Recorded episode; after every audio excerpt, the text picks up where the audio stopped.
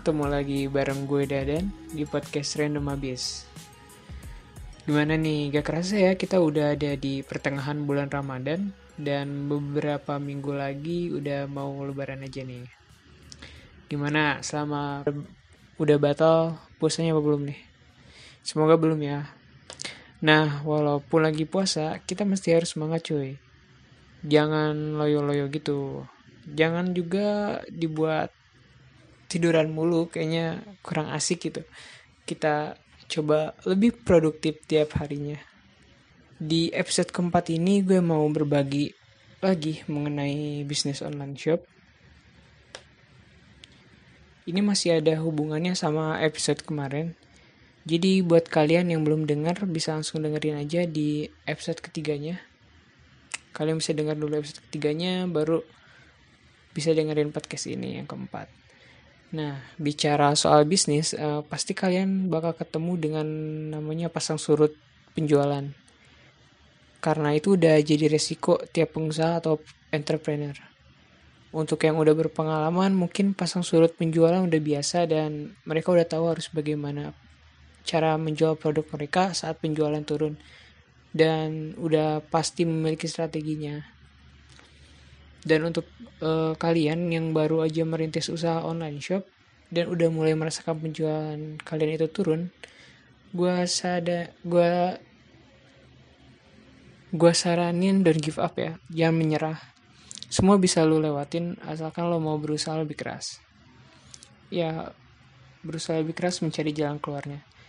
Di sini gue cuma kasih tahu kemampuan berpikir kalian itu diuji.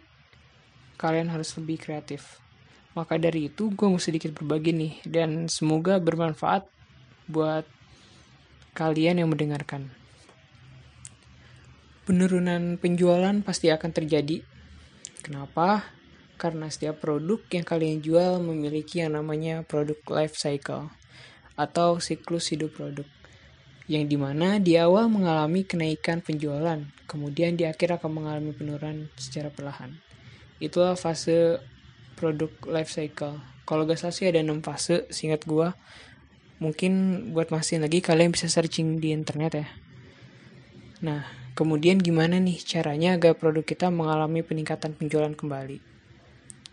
Setiap produk memiliki strategi yang berbeda. Uh, eh, gue bakal bahas beberapa yang gue tahu ya dan pernah gue alami juga.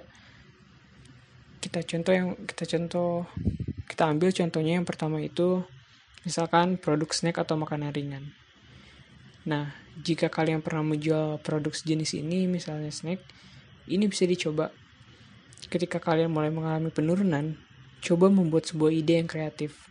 Nah, ide kreatif apa itu dan fungsinya apa? Fungsinya itu untuk memberikan sesuatu yang berbeda di produk kalian tadi. Semisalnya, dari segi rasa, yang awalnya kalian hanya menjual satu rasa, Misal rasa original, kalian cuma punya itu, coba kalian tambahkan dua rasa lagi. Kayak misalkan ada balado, pedas atau keju. Sebisa mungkin kalian berinovasi, berinovasi soal rasanya karena orang orang tuh pasti akan bosan dengan rasanya itu itu aja. Contohnya kayak Indomie, dia tuh punya banyak varian rasa dan dia biasanya ngambil rasa yang enggak pasaran gitu yang mainstream yang anti mainstream sorry. Gak cuma soal rasa aja tapi kalian juga bisa ubah packaging produk kalian agar lebih menarik.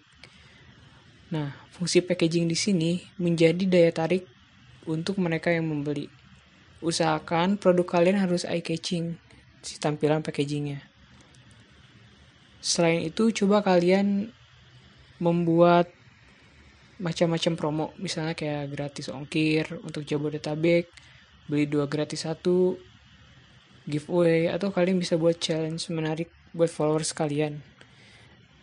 Nah perlu kalian tahu di sini peran sosial media sangat penting untuk penyebaran promosi.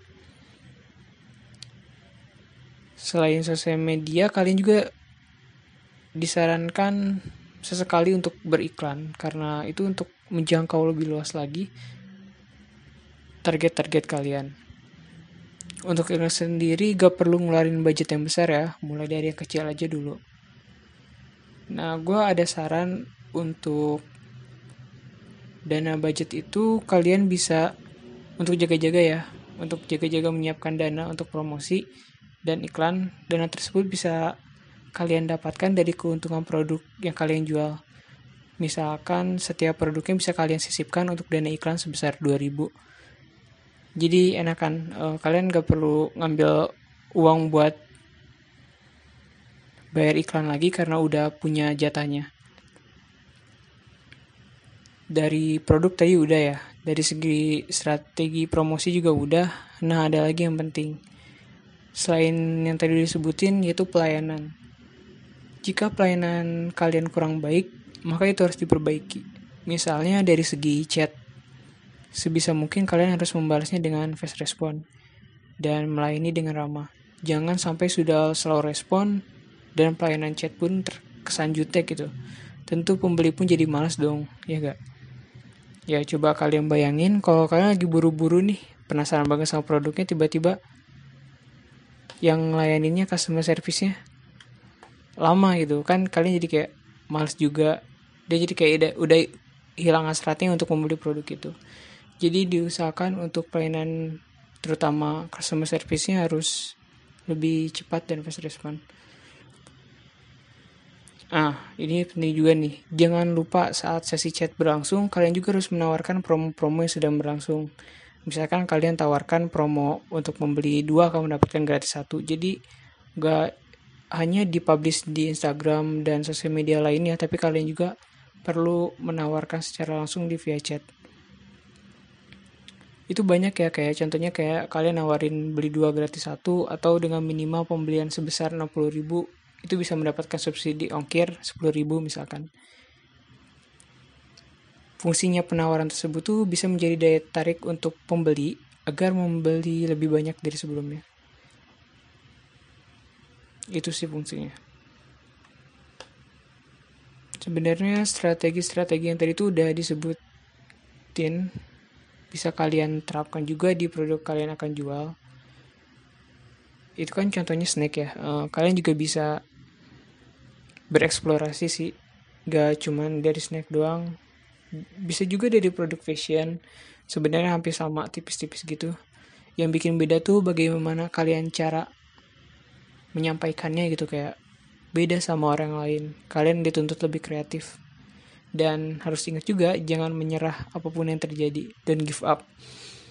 So semangat ya guys. Mungkin itu doang tips dari gua. Semoga bermanfaat. Gua Dadan, izin pamit. See you in the next episode. Bye.